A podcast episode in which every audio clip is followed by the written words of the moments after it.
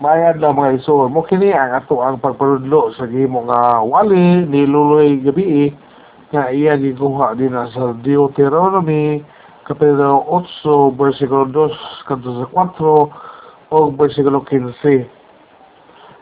Obedience from a consideration of God's past mercies. Kinahanglan atong pagpatuo, kinahanglan atong paggunit sa mga mando, sugo sa Dios katong tumanon, ana agil ang atong paghuna-huna mga igsuon sa iyahang kaluoy nga gibuhat kanato kaniadto. Nakakita sa panahon sa itong kalisod, wala lain nga miluwas o miguyod kanato kanto sa kahayahay. Kundi ang atong buhay ka Diyos. Kaya gusto sa Diyos, na kita mohinomdom sa iyang ipaghimo kanato ang mga peligro, ang mga kalisod nga ato ang nahiaguman kaniadto. Dayon gikan dini giluwas kita niya. Uban ang mga milagro nga iyang ipagbuhat gani kanato apil na ang iyang mga pagpailob kanato no amo na ang katong mabasa sa bersikulo 2 kaya dili gid ito sa Dios nga ang kaning mga kalisod. Apil na kaning mga pagpanglutos guys sa itong kinabuhi nga manhi nganhi kanato ato mo sinapi may aguman. Kay dili niya kini tugutan kung dili usab siya muhatag o kini plano diin kita paggamit na kining maong plano na ano kita mga lingkawas sa maong kalisod. Wala siya. Kung ano na pa kalisod sa imong kinabuhi karon igsoon ayaw ka blaka kay uban niya na maong kalisod kay mo nahay aguman na sinati ano ang ang disenyo sa Dios diin mahimo ni mo kining strategy aron ka makalingkawas anang maong kalisod so we need permits hunger no? Uh, example kung itugot niya ang kagutom tungod kay sa iyang kaluoy mas sayo na kayo makitaan nato sayo na nato madawat ang iyang paghatag kanato sa mga gikinahanglan nato sa kinabuhi. Kito na ka sa kahayahay, no? abundant kayo ang imong mga unsa ha, imong luho, imong pagkaon, dili man di mo mumantayan ang Dios nagahatag.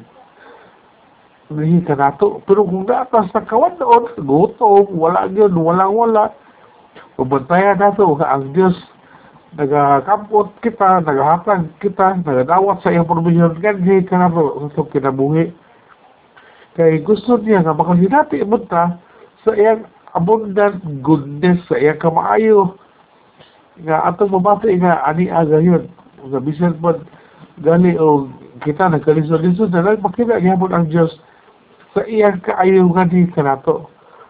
So, musta, sa ato ang pag-obey, sa atong pagsunod sa atong Diyos, kinahanglan nato mulingi ta sa ato ang likod to sa tanang mga paagi nga gibuhat sa Dios gandi kanato o sa mga gasya nga gihatag kanato nga iya kita gidala gikan sa mga kalisod kani adto.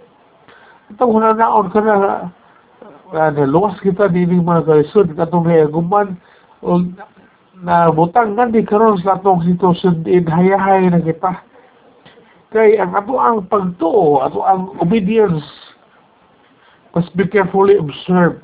Yung hinayon dito na siya pag observe, pagtipig sa paghimo. Dayon, ang ato ang kaning obedience kinahanglan universal panan nga gisugo sa Dios. Dili kay usa lang atong tumanon, panan gayud atong tumanon. O uban sa prinsipyo nga ang Dios nga mao ang Ginoo diin nanda kaniya kita magpakita og kahadlok gayon. So na mo ko hili dinigod kay sulti man si sis amay o sinuloy gabi eh, nga kung siya'y mga hinungdan na nang makalimot kita sa atong buhay nga Diyos na iduwa din eh sa iyang teksto nga gamit una ang satisfaction kung masatisfied na ang tao, ana-anatanan ang kinahanglan, murag na bungog na siya sa iyang mga kinahanglan, dato na kay siya naanagid niya ang tanan nga iyang nakabot ug kaputonon mga gipanganda gitiguha. Kada posible nga malimtan na niya ang Ginoo. Ikaduha nga hinungdan ang garbo. Tungkol sa atong garbo dahil na kita ganahan nga mahinamdom sa Diyos. Na mo ay bikuha na tugingan sa kalisod because of pride. Kanig yung garbo, maunong gini, makalaglag na to mga igsoon. Usa, maghinay ka sa itong kinabuhi. O atong kanunay hinamduman ang Diyos. Siyagin ang himo sa tanan nga ania. Kanato karon nahayay kita siya ang nagahatag ni ini. O di nga to kalimtan nga uban ni na siya mga suko nga angay natong sundon. At tong uh, himo lang pagbalik lang tao unsa iyang gipaghimo sa itong kinabuhi o diin mo kini ang hinungdan nga nang hayahay kita karon balikan Diyos sa mga pulo hallelujah amen